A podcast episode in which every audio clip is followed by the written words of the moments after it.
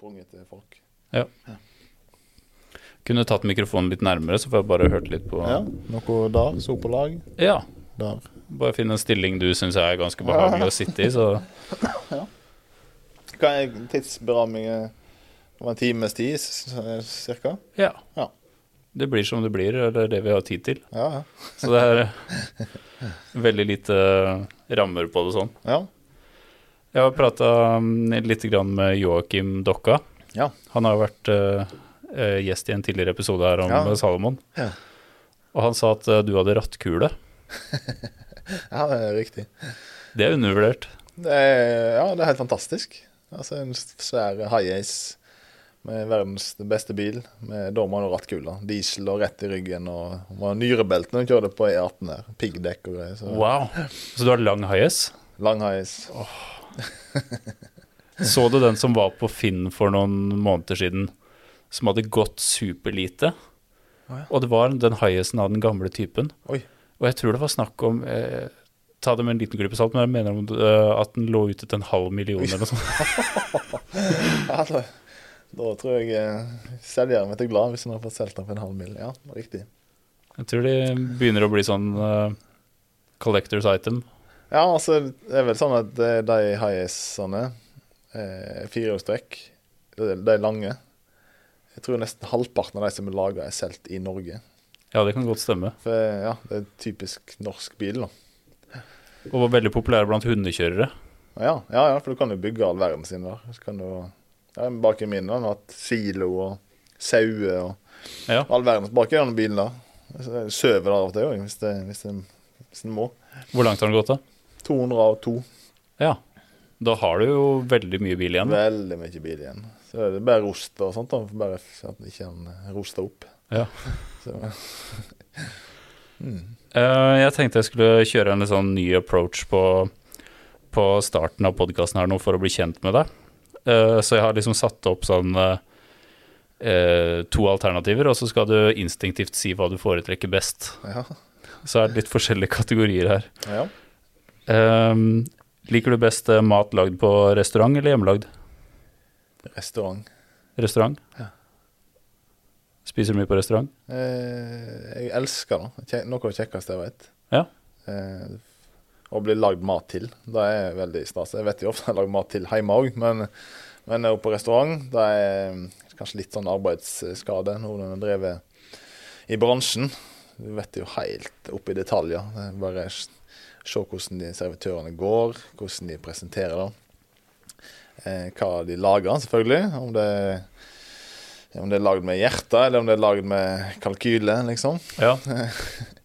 Men jeg syns det er veldig stas å gå på restaurant og ta på meg litt eh, frekke italienske skinnsko og være litt oh, ja. relevant. Ja, ja, ja. Rak i ryggen og tøffe meg litt. Nord-Norge eller Sør-Norge? Nei, det er Sør-Norge. Jeg bor i Sør-Norge, så da er svar nok, tenker jeg. Ja. Jeg elsker Nord-Norge. Finnmark og Skada neste uke, liksom. Men, eh, men eh, ja, Sør-Norge er det der jeg bor. Fottur eller skitur? Det går ikke an å svare på, for det er, for det er like moro begge deler. Jeg eh, elsker begge deler. Eh, sant? Og det, det har sin egenart, begge deler. Tur generelt er bra. Ja. Om det er ski eller hva det er for noe. Det, uteliv er bra. Robinson-ekspedisjonen eller Farmen? Nei. Eh, eh, farmen. Farmen? Ja. Ja. Dyr og bonde og Det er litt skikkelig, da. Det er noe konkret. Heller det enn strand og skorpion? Ja, nå, Jeg har ikke sett Robinson, tror jeg, men, eh, men eh, strand og skorpion eh, Det er sikkert fint og flott, da, men eh, sau og kyr og melking, det er moro.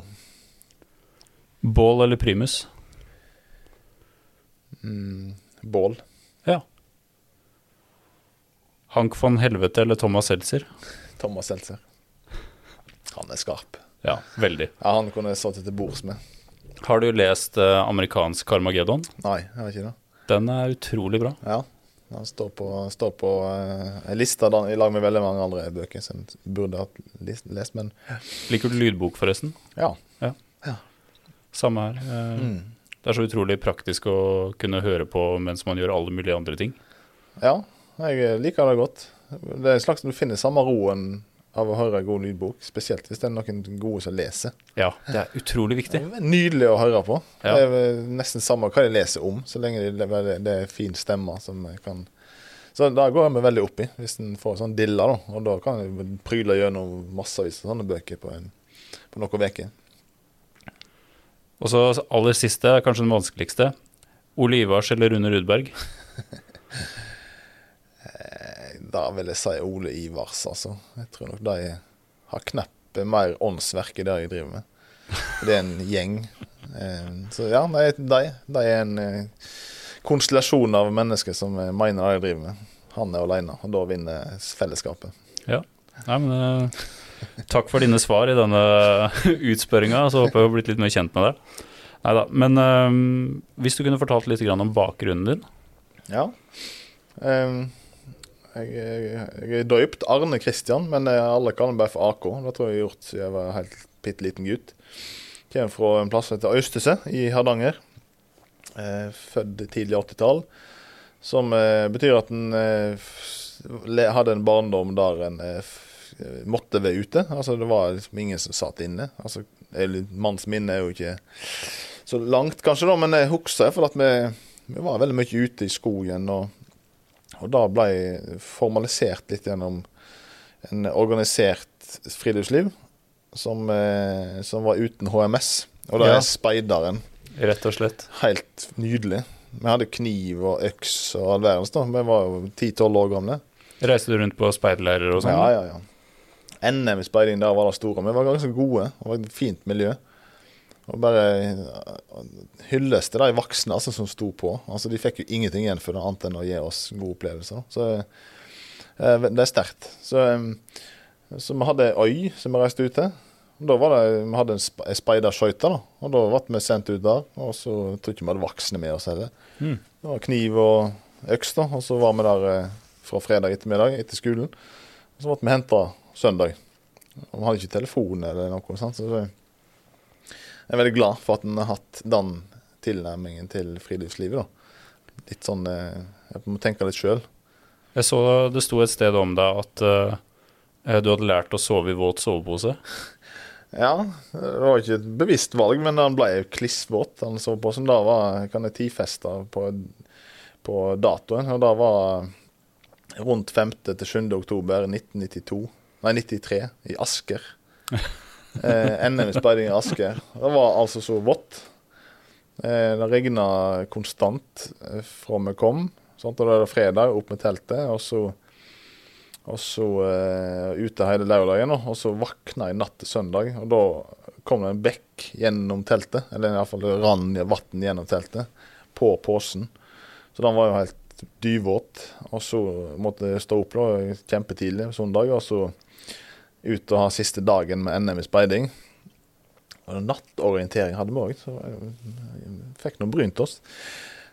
Og da eh, husker patruljeassistenten han, han begynte å grine.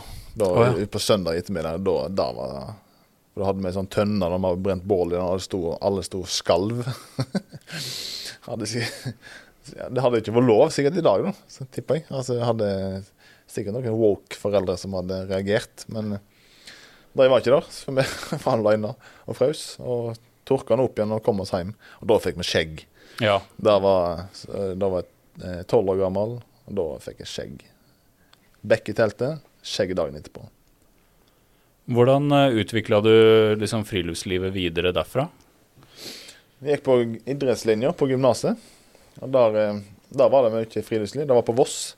Det er jo et mekka for eh, uteliv i flere målestokker. Men eh, sant, da var vi jo mye ute. Og så eh, mye jakt med gode kamerater. Siste 20, par 20 årene.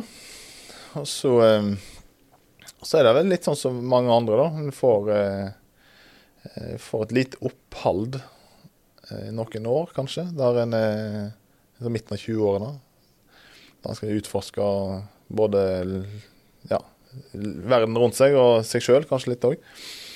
Men en hadde alltid sånne Det var alltid godt å komme hjem og stikke til fjells og sånt. da. Så den, den har alltid vært der. Mm. Det er på en måte en escape. Da, og noe trygt og forgjengelig. Da er, du veit hva du får. Stikker ut til de fjellene hjemme, så det er noe, det er noe sånn Det, det må bare gjøres. Så det har alltid, alltid vært der. Og så jobber jeg i Turistforeningen noen år i Bergen. Bergen Turlag. Møtte masse frivillige som var ressurspersoner de luxe. sant? Og en, en administrasjon og, og medlemmer og styre og all verden. Så alle hadde litt minste felles multiplum. Det var å, å være ute. Like å være ute. Ja, Nydelig å se disse pensjonistgruppene som kom inn på kontoret mitt på dagen da de var på sin tur på Løvstakken eller Rundemannen. Som kom inn og flørta med hverandre. De var helt ville, sant? for de hadde Mm. vært ute. Nydelig å se 70 år gamle personer som eh, har en livsglede av å være ute. På samme linje som ungdomsgruppa, som kommer inn og er nesten helt like. Ja, ikke sant? Det er liksom ikke noe forskjell. De kommer rett ifra gymnaset, og så skal de rett, rett på turlag da, og hente utstyr og sånt, bare for å glede seg til tur. Så eh, den turgleden òg smitta veldig, da. Og da var det mye hytte og, og rute, da, som en måte, burde iallfall vært kjent med. Så da, faktisk i arbeidstida, kunne en jo faktisk være litt i Oppdage nye områder, som er i nedslagsfeltet til turlaget. Og så eh, og så har det bare balla på seg. Og så kom eh, kanskje den, sånn, et enkelt arrangement da, som har gjort litt sett preg på interessefeltet. er noe eh, Expedition Amundsen, som er et Ja. pulkløp, som eh, var med første gang i 2011 eller 2012, eller noe sånt. Det er iallfall veldig lenge siden. Så da hadde vi bare gått et par turer, en kompis og meg, da, eh, med pulk. Bare for å teste det. Synes det var, det var et eller annet som trigga med da, å gå med pulk. Liksom for å kunne ta med alt. og Det er noe en forlenga arm av, det, av, sin egen kropp som ligger bak der. Så er det noe mer monotone og sånn sliter altså, med det. Det er veldig Jeg syns det er attraktivt. Det er mange som sørger over at det ikke er eh, Expedition Amundsen lenger. Ja, da, eh, det er veldig synd. Men eh, det er noe reinsdyr, så de må jo få lov å leve der oppe. Så lov å vike Nå får vi vike, hvis sånn at de kan få ha det bedre. Jeg har faktisk prata med en konkurrent av deg fra Expedition Amundsen. Eh, Christian Horne. Ja, ja, han eh, husker jeg. Ja, og han, eh, han skrøt jo selvfølgelig veldig mye av deg, og så, og så kom han med et sitat uh, om deg, da, og så Det er positivt ment, og, og det han sa, var at liksom Alt er litt rart. Han sa du hadde hatt noen sånne selskinnsfeller Ja, ja. som han hadde sett, og så hadde du liksom forklart at det var noe du hadde mekka til sjøl og testa og Jeg vet ikke om du husker det? Ja, du, jeg husker selskinnsgreiene. Det var mye styr med det. Funka det bra? Ja, veldig. Bare rett til føre så er det helt topp. Ja. Um, um, er ikke så lett å få tak i. Selen, du ser jo selen når han bykser opp fra altså glir bortover isen, så glir han jo veldig godt. ja, selvfølgelig. Men, eh, Ja. sant? Men eh, han glir jo ikke tilbake igjen, sant? for han henger på en måte på busten. Ja. Men det er jo, et, eh, er jo selvfølgelig et naturprodukt, da, så det slites veldig fort hvis det, er- hvis det er skara før. Da. Men hvis det er litt sånn lett nysnø, så glir det helt fantastisk. ja. Så det var masse styr med det. Litt tjukkere skinn på det. sånn at jeg måtte, måtte frese ut et spor inni skiet, og så feller han inni. Så ja, det var masse styr med det. Så det var ikke første gang jeg gjorde akkurat det. da. Så jeg, jeg freste inn sjøl. Eh, lagde egne felleski med selskinnsfell. Jeg tror jeg tøysa litt med han, for vi hadde gått opp en bakke, og så så han selskinnet, og så tror jeg sa til han at eh, jeg har skutt han sjøl. ja, ja, det, ja, det stemmer. Jeg har ikke tenkt på det lenge. Ja. Nei, han var en veldig veldig blid type. Så han, eh, ja. Jeg sier mange andre som, eh, som savner det løpet. Ja. Det var en veldig fin, fin greie. ja. Og så har du også gjennomført Jeg syns jo du er, er veldig kreativ når det kommer til eh, ekspedisjoner du arrangerer. Altså de har på en måte ofte en litt sånn historisk snert. Ja, F.eks. sånn grunnlovsvandring. ja. Det var veldig kjekt. Da, Hva var bakgrunnen der? eh, jeg var prosjektleder for et eh, prosjekt som heter Hardanger 2014. Eh, som var funda av en sånn regional forvaltning. Og så eh, Så ble jeg kobla på masse greier, så hadde jeg en idé om å vise fram Hardangerkrafta i samtida, for å kaste glans og aktualisere fortida.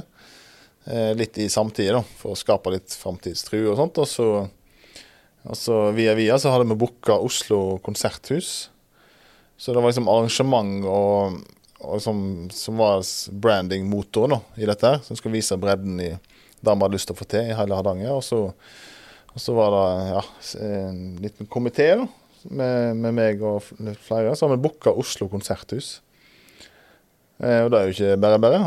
Det er jo et svært lokale. 1200 seter, og så skal vi ha en sånn eh, Hardangerfest i Oslo. Oh, ja. Og så hadde vi litt begrensa budsjett. Og så hadde jeg, jeg tror det var 10 000 i markedsføring. Ja. Og det er jo ingenting, sant? Nei. På, det, ja, sant? så måtte jeg prøve litt eh, aktualisere dette litt. Da. så da, ja, får vi gå på ski med bunad, da. Så får vi ta med en eh, figur for da var liksom eh, branding eh, her, da. Da var Arnoldus eh, von Westen Sylov-koren, heter han. Han var eneste personen fra Hardanger som var på Eidsvoll og oh, signerte ja. Grunnloven. Så da måtte jeg lese litt opp på han. En 50 år gammel eh, prest og sånn som bodde inne på, på Lofthus. da. Så jeg hadde et bilde til han og hadde signaturen hans, og så, eh, og så la, la seg litt om han. En type, da. Og så skal vi ta, lage en figur av han, så skal vi gå til Oslo. Så skal vi ta med den figuren inn på trikken fra Holmenkollen ned. Derfor måtte vi med en, Det var fem hardinger og én bergenser. Ja. Han bergenseren han hadde ett ansvarsområde, eh, og det var å kjøpe et billett på trikken når vi kom fram. For da greide ikke vi. Så da fiksa han med glans. Og så tok vi med den figuren ned på Oslo konserthus, og så hadde jo billettsalget hadde jo surra godt da. Og så eh, Vi solgte faktisk ut den konserten. Ja, dere gjorde det? Ja, ja. Vi solgte 1199 billetter. Eh, og den, den siste den fikk eh, statsministeren. Da var Erna Solberg. Stilig. Mannen måtte kjøpe den. Ja, heldigvis. Han har sikkert penger til det òg. Ja, det tror jeg. Stemmer det Har du også hørt det der at, uh, at representantene fra Nord-Norge ikke rakk fram til Eidsvoll? Ja. Det var det var for de kondisjonerte. Det var for de få. Det ja. var liksom ikke folket som satt der. Men det er umulig for oss å sette oss inn i hvordan både organisasjonsliv, ledelse og alt var for over 200 år siden. Det er, ja. Men sånn, det er, var, jo, sånn var det. Det er jo uh, idé til ny ekspedisjon. Det er jo å gjennomføre sånn at uh, Komme fram? Ja, ja at, de kom, at, de fysisk hadde kommet fram. Ja. Ja, nei, så Det var grunnlovsmarsjen. da. Skubba med, hadde bunad med oss, da. Så vi gikk siste etappen i bunad. Det var moro. I Nordmarka. Fikk litt blikk, da, selvfølgelig, men, eh, men det gikk fint, da. Det er en viss stil over det hele? Ja da. Mm. Det, det, er et undervurdert plagg å gå på ski med. Det er jo nikkers og ull, liksom, så det funker. da. Litt styr med den sølja som stikker inn i halsen, da, men, eh, ja. men det, det gikk fint, det òg. Og så lurer jeg litt på den ekspedisjonen Nansen. Ja. 1884. Ja.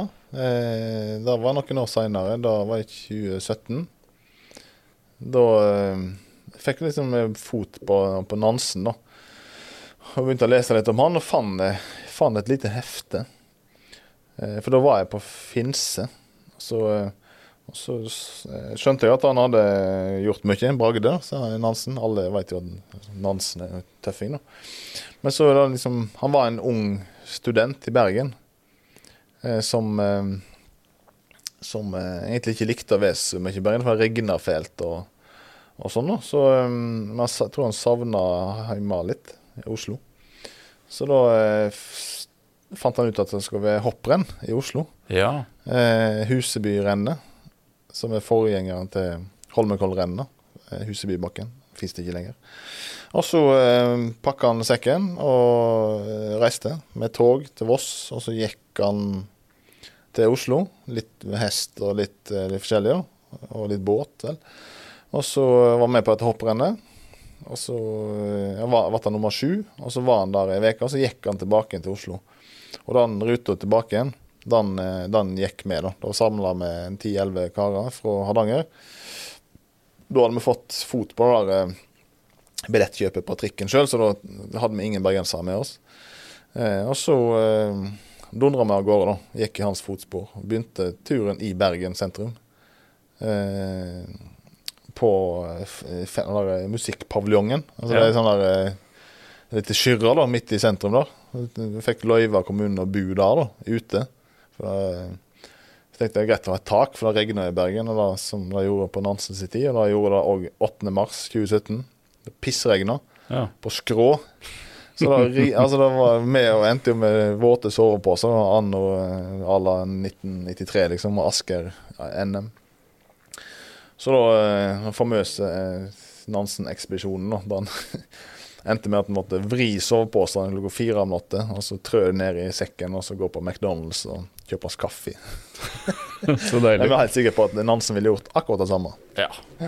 Jeg hører faktisk uh, en bok nå om uh, Nansen Uh, på Storytel, da, som heter 'Friluftsliv'. Ja. Og der er det akkurat den historien Ja. Det er på en måte det boka starter med. da Og så ganske sånn karakteristisk det der med den appelsinen. Ja. ja. Han- Hvor han spiste med skall og, og det hele. Jeg var frosen. appelsin. Ja, stemmer det. For Stemmer det. han, eh, der var på hans returreise. For han skrev fire leserinnlegg i Aftenposten eh, som ble ut, eller gitt ut som et hefte. da. Og det er tatt opp inn i den friluftslivboken. Deler av det. Men det virker ikke som det var noe særlig telt og greier. Nei, men han eh, gikk liksom fra skysstasjon til skysstasjon. Eh, og så Han kom til Gulsvik, og så eh, med, med tog. For Bergensbanen sto ferdig i 1909. Ja. Men, eh, men eh, dette var jo lenge før. Men eh, Vossabanen, altså Bergen-Voss, var knytta med, med jernbane, så da tok han tog. Han tok jo tog da han kunne. Og til Gulsvik, som er på øst. da. Men i stubben imellom, da, da var det ikke noe. Så da måtte han med hest til eh, Jack Bauer calling. Ja, det er den der alarmen. Ja, beklager. Eh, ja, da ja, båt, nei, tog til Gulsvik, og så hesteskyss til en plass etter Gudbrandsgard. Som var den siste posten da, på eh, før eh, Hol Aurlandfjellet, kan du si. Ja. Så da er ved Strandavatnet, og så bodde han der, og da fikk han eh, noe melk og appelsiner av hun Helga, som hun heter, hun som var bestyrerinne der. Og så strøk han av gårde, da. Og da, eh, og da gikk han feil. Han eh, gikk forbi Geiteryggen, og så eh, Såtedalen, da, Såto inni der. Og så mot Hallingskeid, og så i stedet for å skjære inn Grøndalen og over Vossa-skavlen og ned til Raudalen, så gikk han retning Flom. Altså Han så jo nesten fjorden før han måtte snu. ja. Og så tilbake igjen og brøt seg over Vosseskavlen, og da la han seg under en, under en stein. Og så- det innrømte han vel at var litt kaldt. Det var, det var litt kaldt. Ja. Sant? Og, det var jo sikkert kaldt òg, men han var jo aleine, så han kunne jo beskrive dette så hardt han ville. Sant? Det er. Men eh, og så da åt han appelsin med skallet på, og da testa vi da på en sånn testtur. Fy a meg, så kaldt. Det er, for det første er det ilt, eller, altså det er breskt å ete det med skallet på. Og det, er, altså det, er- det er ingenting i verden som er så varmt som varm tomat på pizza. Og det er heller ingenting i verden som er så kaldt som kald appelsin når du skal tygge det i det. Ja, det var, det var, var sterkt. Ja, så vi gikk den turen. Vi kom oss til Oslo. og vi hadde ja, ikke så mye. Vi hadde jernbane. og Så hadde vi litt hest på Voss. Og så eh, gikk vi på beina. Og så gikk vi på ski lenge. Og så hadde vi en veteranbuss. Det var kanskje den skumleste vi gjorde på hele greia. Det var en sikkert 50 år gammel buss som vi krangla oss ned ved Hallingdal, siste delen da. Inn til, Os nei, til Hønefoss, og så gikk vi opp til foten av Nordmarka, og så bles vi inn der, da. Siste etappen. Inn til Holmenkollen. En ting jeg husker var litt fascinerende med den uh, friluftslivboka til Nansen, uh, var hvordan han snakka om Finse allerede i 1898. Mm. For han snakker veldig om at eh, han likte ikke helt at det ble bygd ut, og at det var mulighet for luksus der. Mhm. Og tenk det. Det er en stund siden, altså. Ja, ja. Han, eh, de, han var de rådførte seg med han òg, for det var ikke så mange som gikk opp og vaste oppi dag. Så han ble rådført litt, da. Eh, hvor Bergensbanen skulle ligge og sånt. Fordi det er jo et kjempearbeid med å bygge jernbane i høgfjellet. Det, det er ganske krevende terreng. Absolutt. Så det er jo en eh, ingeniørkunst av dimensjoner. Så han ble rådført litt der, da. Så han er en framsynt type. Er eh, han en av dine, eller et av dine største forbilder? Ja, Nansen er Han er the shit, altså. Han Ja. er, hadde vært kjekt å sitte til bords med han. Kjenner jo ikke. Altså, Vi har jo bare Kjelde som kan fortolke sjøl. Så så en er, det er umulig å vite hva type han var. Men, eh, men eh, ja, en nysgjerrig type, tror jeg. Som hadde vært interessant å møte. Tror du du hadde vært i hans nærmeste krets hvis dere hadde levd på samme tid? Nei. Nei? Nei. Er klasseforskjell. Men du er jo rimelig seig uh, Ja, men altså klasseforskjell sånn samfunnsmessig. Å ja, sånn sett, ja. Ja, ja jeg hadde da er vært med. en bondetamp fra Hardanger, og han var liksom en kondisjonert type fra Frøen gård i Oslo, liksom. Så vi hadde, vi hadde nok aldri møttes, Nei. tipper jeg. Jeg veit ikke. Eh, vi kommer jo naturlig litt inn på kanskje det som eh, eh, er mest spennende for framtida, da. Mm. Det er jo rett og slett ditt rekordforsøk. Ja. ja. Har du lyst til å Vi har jo, vi må kanskje si det, da. Vi hadde jo godeste Vincent Colliard Ja, ja. her for et par episoder siden. ja. Og han skal også sette et rekordforsøk i noenlunde samme område, men det er ikke helt samme rekorden. Eh, nei, det er riktig. Og det er viktig å ha litt tunge beint i munnen på dette, sånn at, eh, sånn sånn alt skal være riktig. Og det er sånn da at eh, det er jo flere ruter selvfølgelig til, til Sydpolen, men de er to, to lett enklest tilgjengelig. Det er en som heter Hercules Inlet, og så er det en som heter Messner Start. Og Hercules Inlet, begge er klassifisert likt. Det, er altså, det vil si at de the inner coastline pole. Så det er indre kyst, altså det du begynner på med indre kystlinja, og så ender du på Sydpolen. Hercules den er 1130 km og ligger litt nærmere denne basen som du lander på. Og så er det Messner Start, som er kortere, 915. Eh, og den eh, Ja, den går jo til Sydpolen, fra indre kystlinja. Så den er litt eh, mindre tilgjengelig, men likevel nokså tilgjengelig. Så det er to ruter, da. Så Christian Eide, en norsk legende, han har rekorden på solorekorden på Hercules Inlet på 24 dager. Så den, den tenker jeg, da, da er den norsk. Så det er Ja. flott. Ja, for det er litt viktig. Ja, det altså, av alle uviktige ting i livet, så, så blir dette her eh, litt viktig. Ja, men det er litt stas, da. Ja. Norge har en stor sektor nede, og det, det er kjekt å kunne bidra til et sånn norsk preg i Antarktis. Det er stas. Det syns jeg er skikkelig stas. Så eh, Hercules, check. Kristian Eide, du er legenden, du er kongen. Vær så god. Og så er det den andre ruta, som er litt kortere. Eh, Den er det ikke en nordmann som har solorekorden på. Det er, det er rekorden inn der. da Det er Kristian Eide med gjeng, da, med med guida gruppa, for 2008. Og på 24 dager. ja. Men solorekorden er på 33, og da er en for Estland. Så tenkte jeg OK, nå kan jeg iallfall eh, prøve å sette flagget da, på den, der, eh, på den ruta der. Så Vincent han skal prøve å ta rekorden til Christian på Hercules-ruta, som er litt lenger, og jeg skal prøve på den Messner-ruta, for å få, gjøre den norsk, da.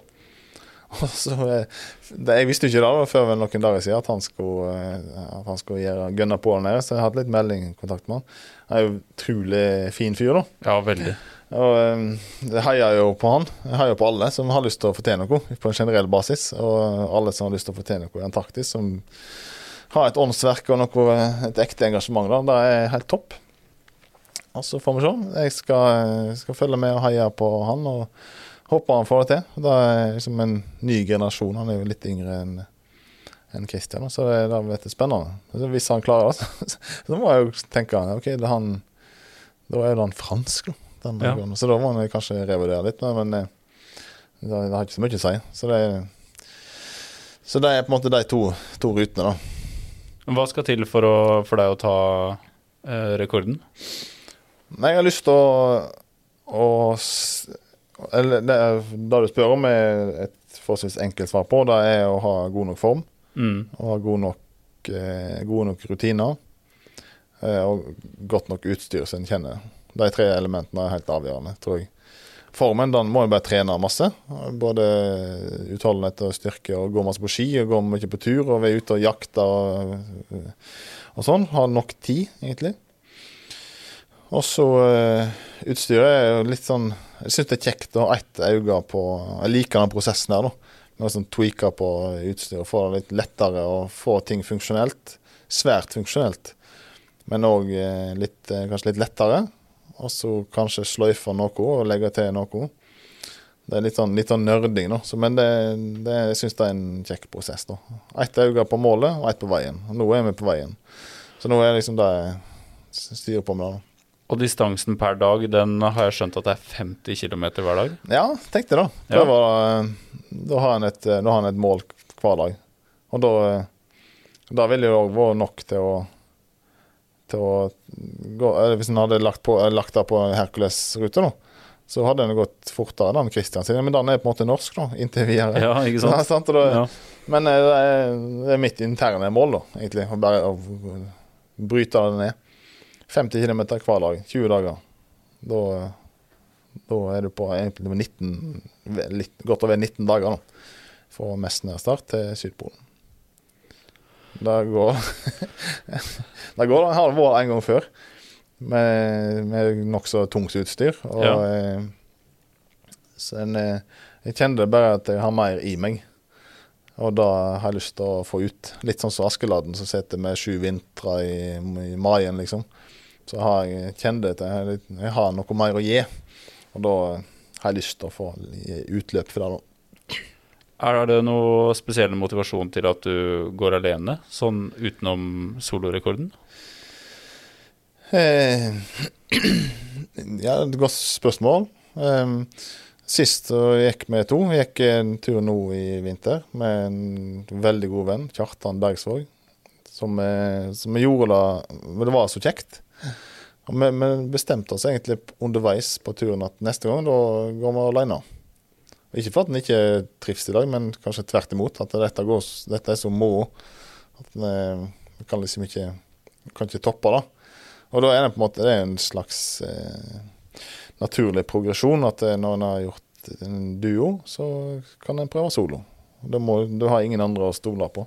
Ja, jeg skulle til å si det. Er det en egen mestring å ikke kunne lene seg på noen? Eh, det er nok da. Jeg, det også, men det er litt lettelse òg, for at eh, da er det bare én å håndtere, og det er deg sjøl. Jeg har liksom ikke et ansvar for andre heller. Så, men det er pluss og minus, selvfølgelig. Men eh, når en er trygg i seg sjøl, så er det å gå alene mm, veldig tilfredsstillende. Hvis en ikke er det, så er det, så er det jo kniper det jo veldig, da. Så da er det ikke noe kjekt, tror jeg. Så, men eh, jeg liker meg sjøl, så jeg kan, jeg, kan, jeg kan gå alene. Kjører du lydbok da, eller? Jeg får se. Kjekt med litt eh, input, men eh, jeg gjorde det nå sist, i kveldene. Men jeg hadde ikke musikk når jeg gikk, Nei. eller, musik, eller lyd eller noe. For det var liksom nok styr med all verdens greier som du skal ha på deg. med, så det var stress egentlig å ha det plugga i ørene. Og, ja, det var liksom ikke Det var ikke behov.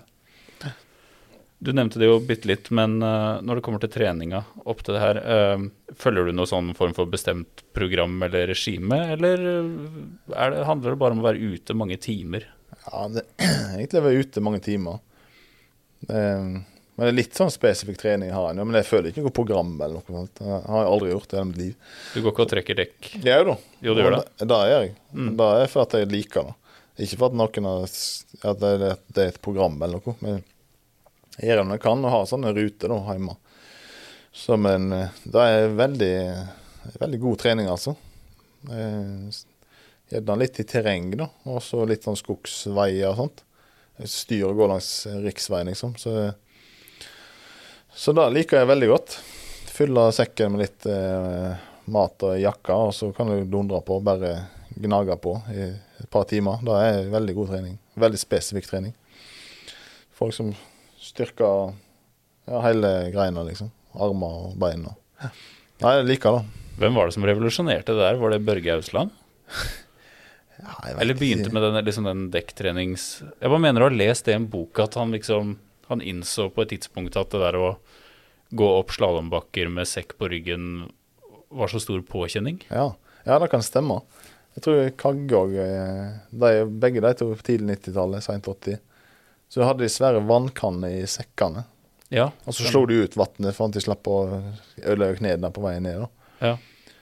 Men de dekkene, altså, det er Det kan godt hende det var Børge Østland som gjorde det. altså. Jeg har nå sett bilde av han med skitne dekk i Nordmarka, liksom. Så ja. Eh, hvor lett blir pulken, da? eh, skal finrekne på det, da. Men eh, målet er å kunne komme ned ca. 50 kg på startvekt. Så da må egenvekten på alt være lågt. da. Så en har gode samarbeidspartnere som jeg syns dette er kjekt å være med på og utvikle ting. Så, så det beste utstyret er ikke laga ennå. Men veldig mye bra er lagd, selvfølgelig. Men det er kjekt. så Små justeringer. da. Men eh, hvis vi starter med telt, da.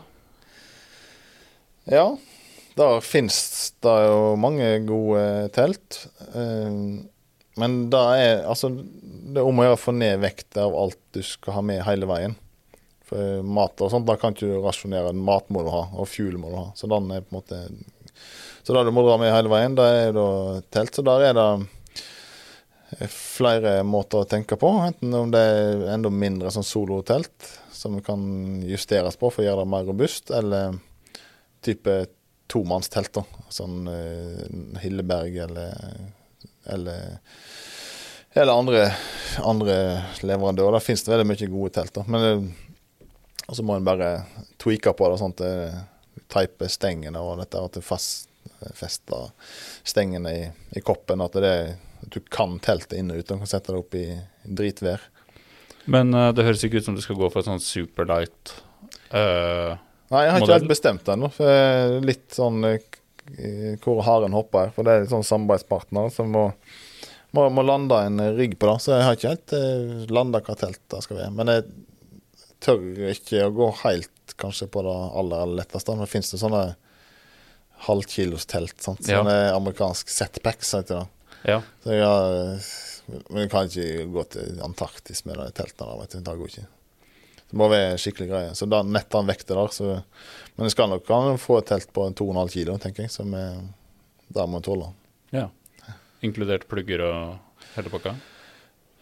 Ja, du Ja. bruker jo skia, i hvert fall. Ja, jeg er ikke så glad i det, egentlig. Jeg bruker skiene der nede. For jeg, jeg, det er så, snøen er så knallhard. Ja.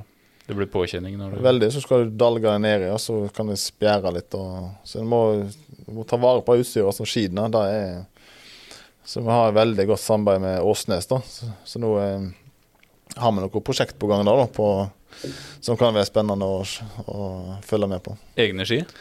Ja, vi får se. Vi skal Ja. la, lande litt nå i neste. Så vi driver og sysler med gode tanker. De, de har alltid vært gode samarbeid med. Så heia Åsnes.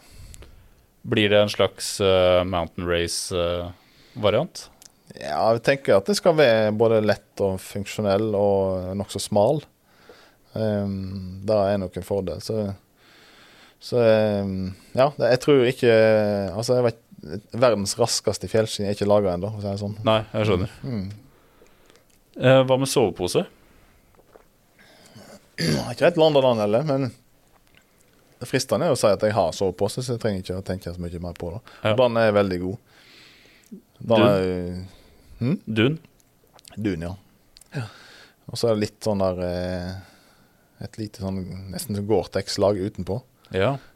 Men det er helt sånn tynt, da. Men det er ikke sånn at han, han klapper ikke sammen. Bare du får litt fukt, da. For han er egentlig tilpassa veldig på sånn januar-greie på Hardangervidda. I Antarktis så er det tørt. Skikkelig tørt. Det er ørken.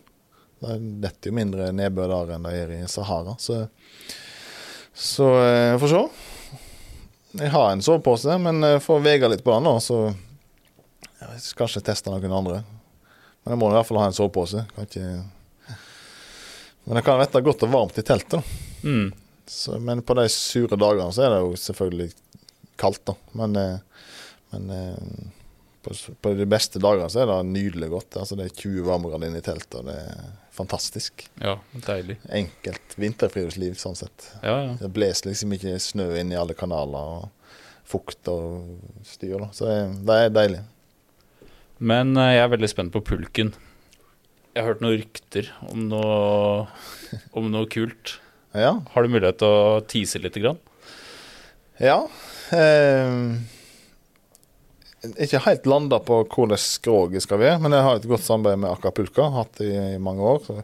Med han Bierwald? Ja, ja, Ja. Alex han Ja. er Mr. Pulk. Sant? Han, er, han er med på alt som er liksom, litt nytenkende, så det, det er kjekt. Så det, vi har et, eh, skal vi nok initiere et prosjekt der.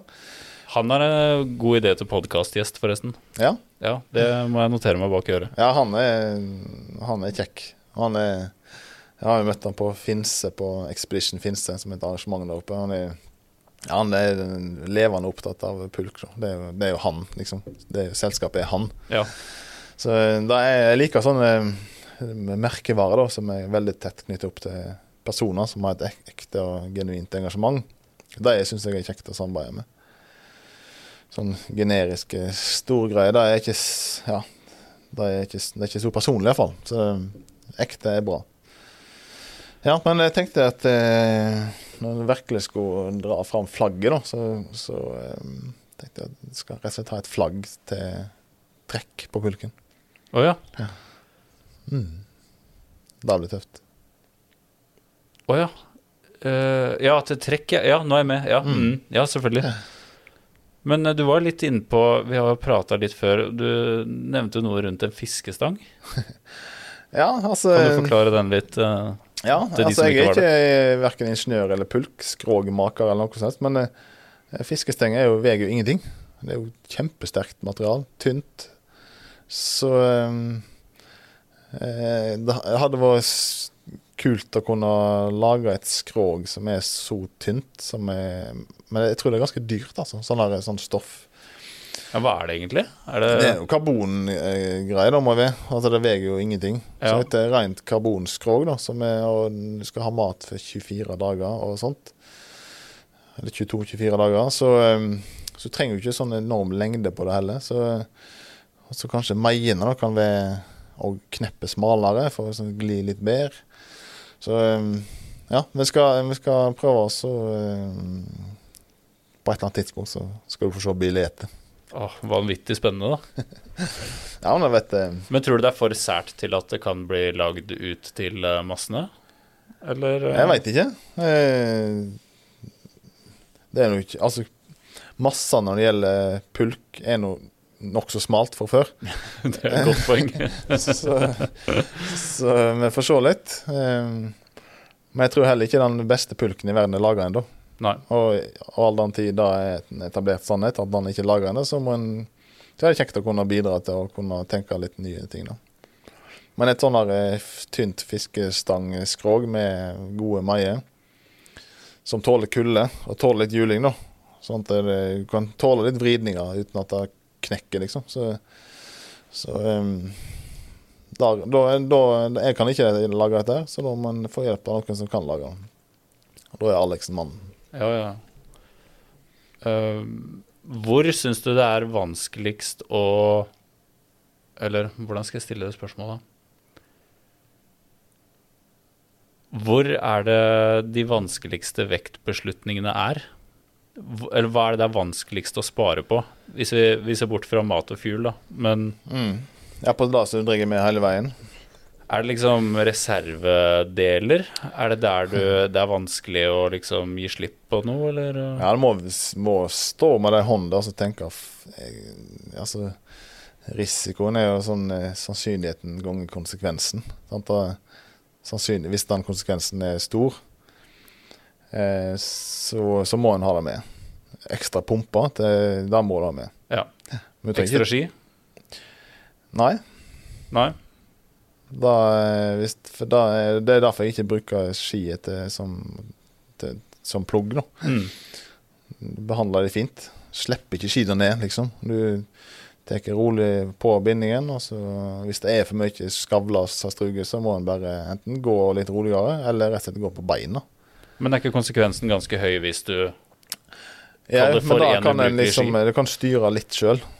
Ja. Altså eh, Da kan du styre litt sjøl. Ja.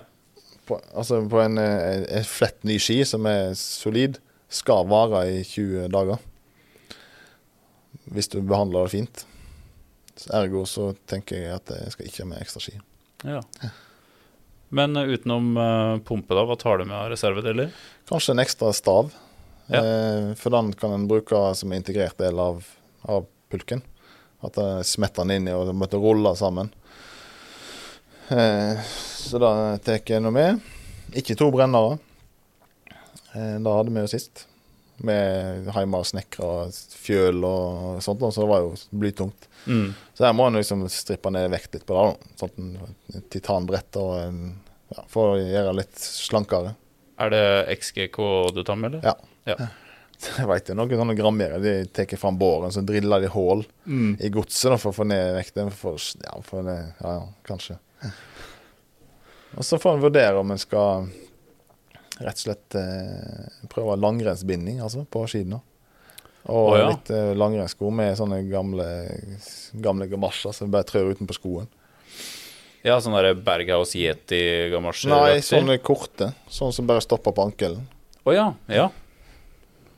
For jeg syns de var for varme, de skoene jeg hadde sist. Polar, Alfa Polar med sånn liner og, og opplegg. Men må, dette skal jeg teste i vinter, da, på Finse.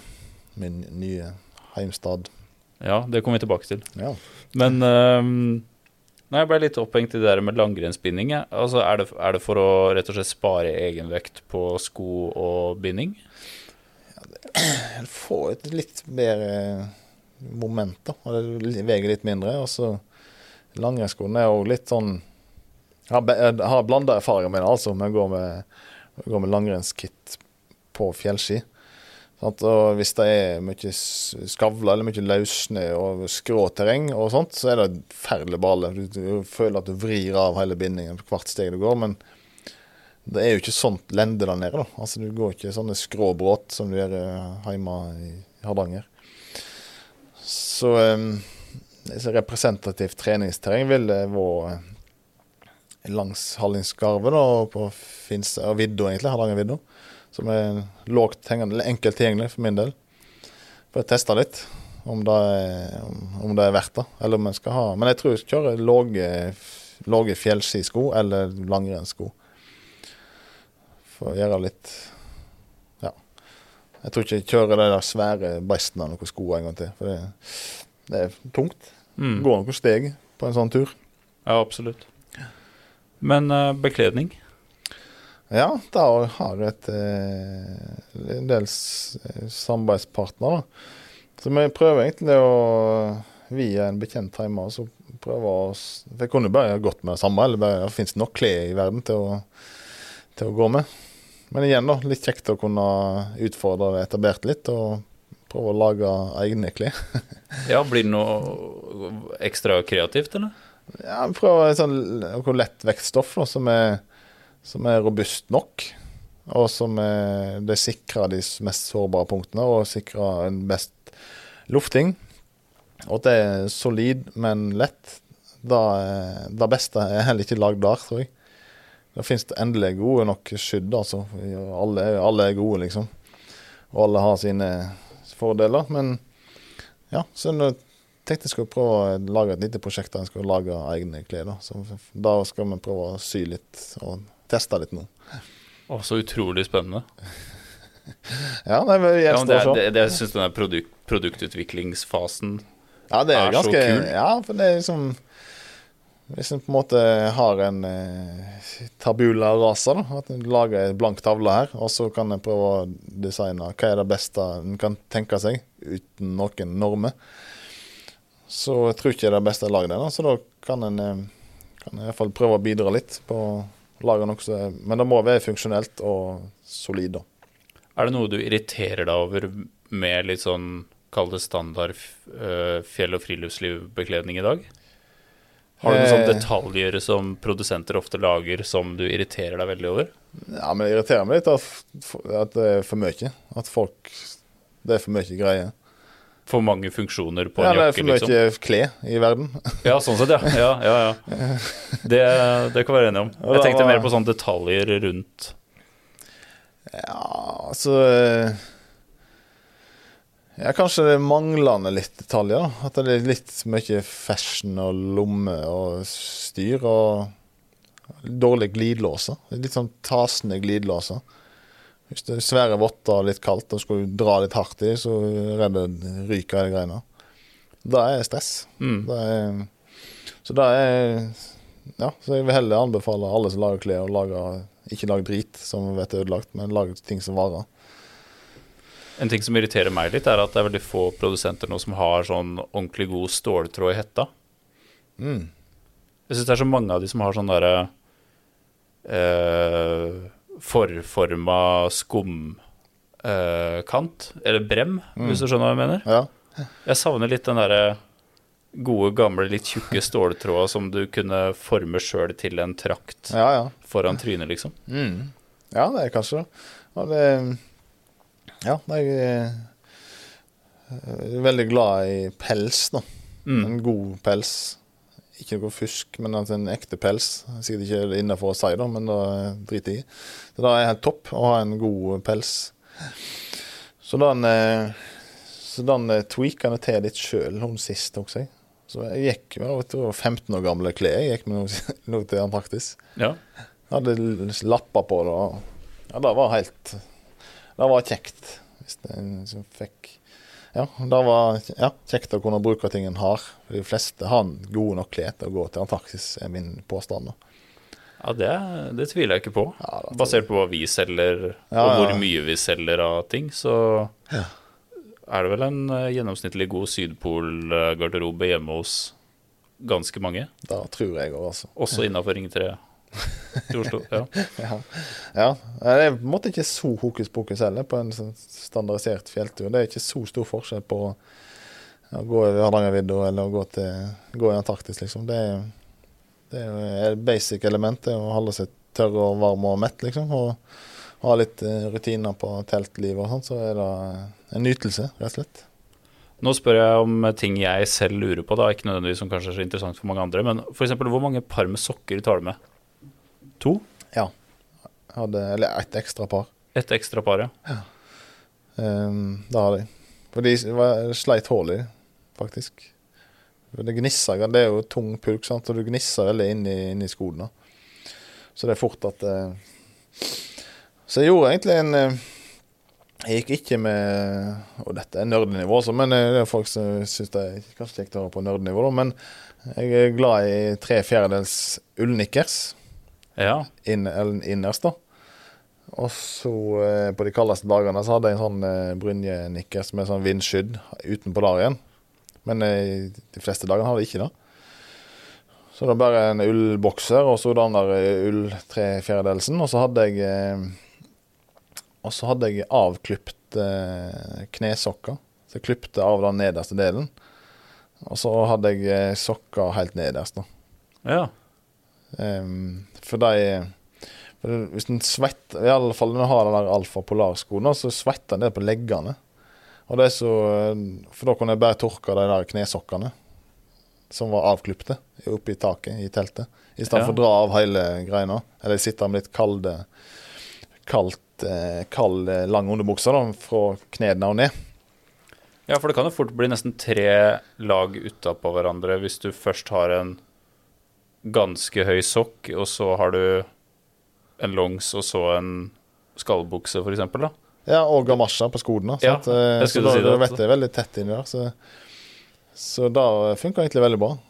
Og så hadde jeg noe knebeskytter som på en måte limte kanten på de tre fjerdedels nikkersen og fram mellom sokken og, og buksa.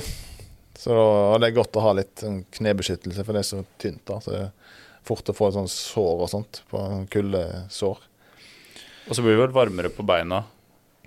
Jeg mener det var Børge Ausland som også sa det, at eh, eh, ved å på en måte ha noe helt vindtett foran knærne, Mm. så ble han ofte varmere på tærne. Ja. Ja, Fordi det- blodårene går jo på en måte gjennom, gjennom det området der òg, da. ja. Så han mente det sånn helt bastant, og det syns jeg var sånn ja. kult og logisk ting man ikke hadde tenkt over. Ja, som veldig mye ofte i polarverdenen. Hvis Børge Ausland sier det, så, da, er det ofte noe i det. Er det. Men det er jo, ja, det er jo knærne får jo kjørt seg, da. Sant? Det, du, står nå på i 10-12 timer hver dag, så hvis det er kaldt der, så er det litt mekanikk da, som kan få litt knirk, da. Så da ja, godt å, godt å ha lite beskyttelse på knærne. Om det er inni buksa, eller om det er noe neoprengreier under, eller flis eller ull, eller hva som helst. da, Så bare en har litt ekstra skydder. da syns jeg var veldig godt. Hva med førstehjelpsbiten? Ja, vi hadde Ja, førstehjelp er så mangt, sant. For eh, vi hadde en, eh, en del medisiner og sånt, da. Selvfølgelig. Og eh, masse sånne sårgreier. Litt til brannsår, hvis det skal skje noe der. Eh, strips. Eller sårstrips, ja. Og eh, ja, hva hadde vi? hadde ganske standardisert, egentlig. Ja. Noe smertestillende og Ja, og litt sånn der eh, frostskade og litt sånn blodfortynnende, faktisk. Hvis en skulle få frostskade, så er det litt tynnere blod. Få litt blodomløp, sånn at en får litt varmere i fingre. og sånt. Men det beste er nå å være påpasselig, da. Eh, Hvordan eh, votte- og hanskeløsning eh, er det du sverger til? Eh, jeg, eh, altså På en generell basis så er det ikke et enkelt svar på det, men hvis en tenker Antarktis-turen, som egentlig er ganske lik på vinterturer i januar og februar hjemme, så liker jeg et lag med sånne liners. Som Det fins både gode og dårlige av det. da. Mm, absolutt. Jeg har sikkert brukt 25 par med sånt, for det vet jeg fort hull i. Mm. Jeg har funnet en, eh, en som er veldig bra. Lill Sport. Ja. Helt topp. Ikke verdens mest sexy merke, men jeg er ikke så nøye, da, så lenge det virker. Så bruker du den innerst, og så eh, er det, er det ullvotter, da. Fra eh, klubben til mor mi. Ja. Den beste sponsoren jeg hadde på hele turen sist, det var ullvotter. Tova ullvotter. Lange. Mm. For de er ofte så korte, og da er det litt sånn dårlig å jobbe med. Så et lite bråt netter på håndleddet, sånn at de henger litt. Uten at de vet, er for stramme, men også at de går nett ja, et par tommer da, opp på underarmen. Og så eh, der nede så brukte jeg hjemmesydde, faktisk. Det er hun samme som jeg samarbeider med nå på den kledene som vi skal prøve å få laget til nå. Hun sydde lange eh, bomullsyttervotter, da, vindvotter. ja, du går for bomull, ja. Gjorde der nede. Det er så tørt og fint. Og det funker helt konge. I retrospekt burde nok ha eh, sydd inn noe skinn inni. For du får et veldig eh, gniss med, mellom tommelen og pekefingeren. Pluss at det, hvis du har skinn inni, så kan du òg dra av brillene. da, Hvis det med seg pussefiller. Hvis det, vet, det legger seg snø der. da. For du får ikke noe problem med kondens inni, inni de bomullsvottene? Eller kan du nesten bare riste de tørre, eller? Nei, det var faktisk ikke kondens inni dem, altså. Nei. Det var ikke tenkt på, egentlig. Men eh, det var det ikke. Det er sikkert god fukttransport. Ja, veldig. Men jeg frøs ikke sånn på fingrene heller. Frøs ikke generelt, egentlig, på hele turen. Kanskje et par ganger var det småkald. Men brukte ikke dunjakke heller, tror jeg.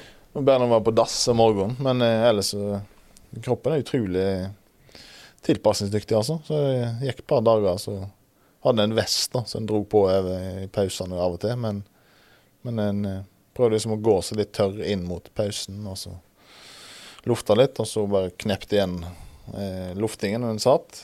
Det ble ti minutter, liksom. Så det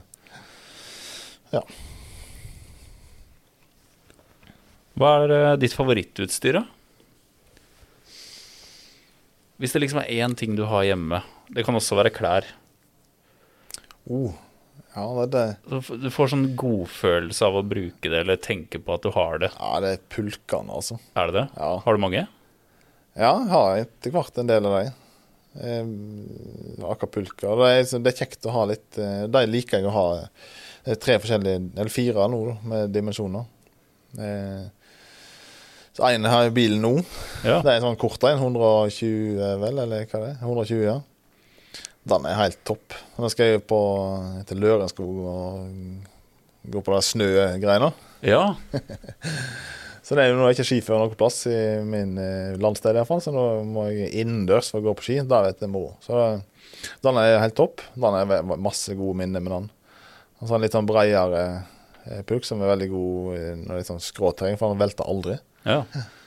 Eh, det er en 135, og så, har jeg en 170, som er sånn eh, ukestur eller sånn påske. Jeg kan bare lempe opp i all verden. Så hadde vi ja, Vi var på tur med Daniel Kvammen et år. En påsketur fra hytta til hytta. Og da, eh, Ja, det, det var et kult prosjekt. Ja, da, da hadde han inne den der 135, og han hadde gitaren oppi der, passet perfekt, for den er liksom brei bak. Og så hadde jeg anlegget da, oppi min, og så styrte den på. Så den er òg en god, veldig god plass i. da. Kan sikkert bruke den oppe på månedsturer. Men da. så har jeg nå Sydpolenpulken som er 210, et beist. Så da kan de jo gå på tur i 40 dager.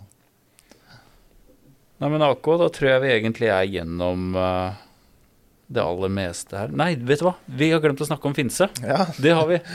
Jeg visste det var noe jeg skulle komme tilbake til. Ja. Uh, fortell om uh, ny utvikling i livet. ja. Finse har jeg et veldig nært og kjært forhold til. Det Alltid likt med det. Det er en eh, lang og god historie for plassen.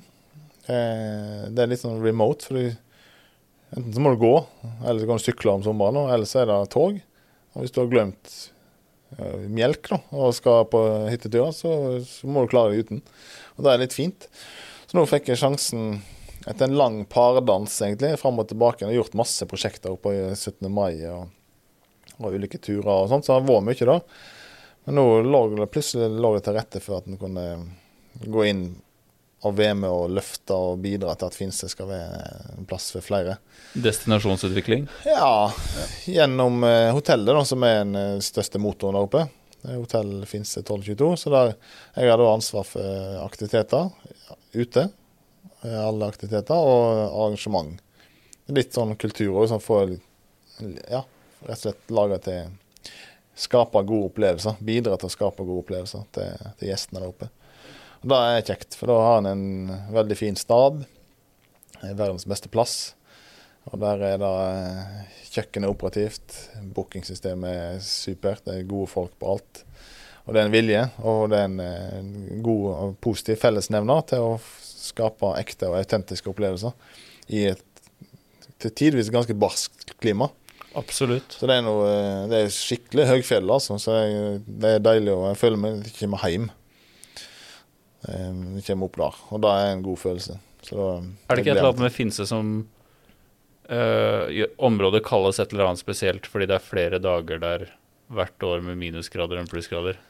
Eh, da kan den, det er jo det arktisk klima. I hvert fall i, i februar måned så er snittemperaturen under minus 10. Gjennom i sn- snitt i februar.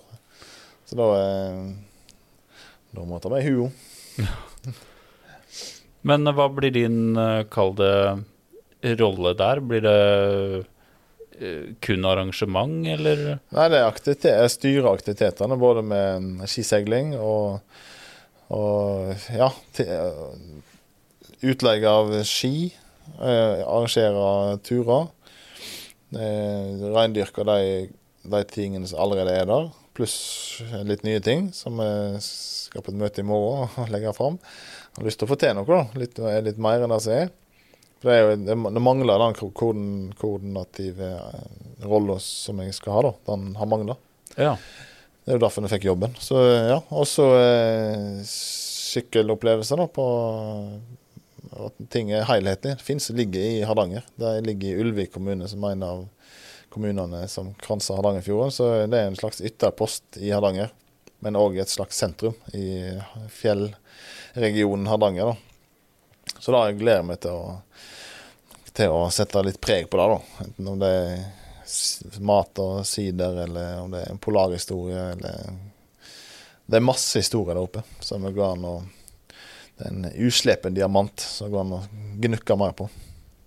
Det er superspennende, da. Ja, jeg gleder meg. Det fins It's hard to find, hard to leave. Ja. Men blir du boende der, eller hvordan gjør du det? Ja, jeg har en leilighet der, også, men jeg har hus nede i, i Hardanger òg, så, så en, eh, så en kan flekse litt fram og tilbake, nå. Ja. Men en, eh, det er jo da jobben er, så jeg kommer til å bo en del der oppe igjen. Og det er deilig. da. Ja, vanvittig. Våkne opp til Om det er stiv kuling eller rolig en dag i februar, liksom, så er det det er den, de dimensjonene en, en må leve med, og som en må like for å være der oppe. Og det gjør jeg. Nei, men Superspennende, Akko. Tusen hjertelig takk for at du ville komme hit i dag og være gjest i podkasten. Takk sjøl. Jeg håper du også har hatt det hyggelig. Ja, veldig kjekt. Ja, det er bra. Det er bra. Mm.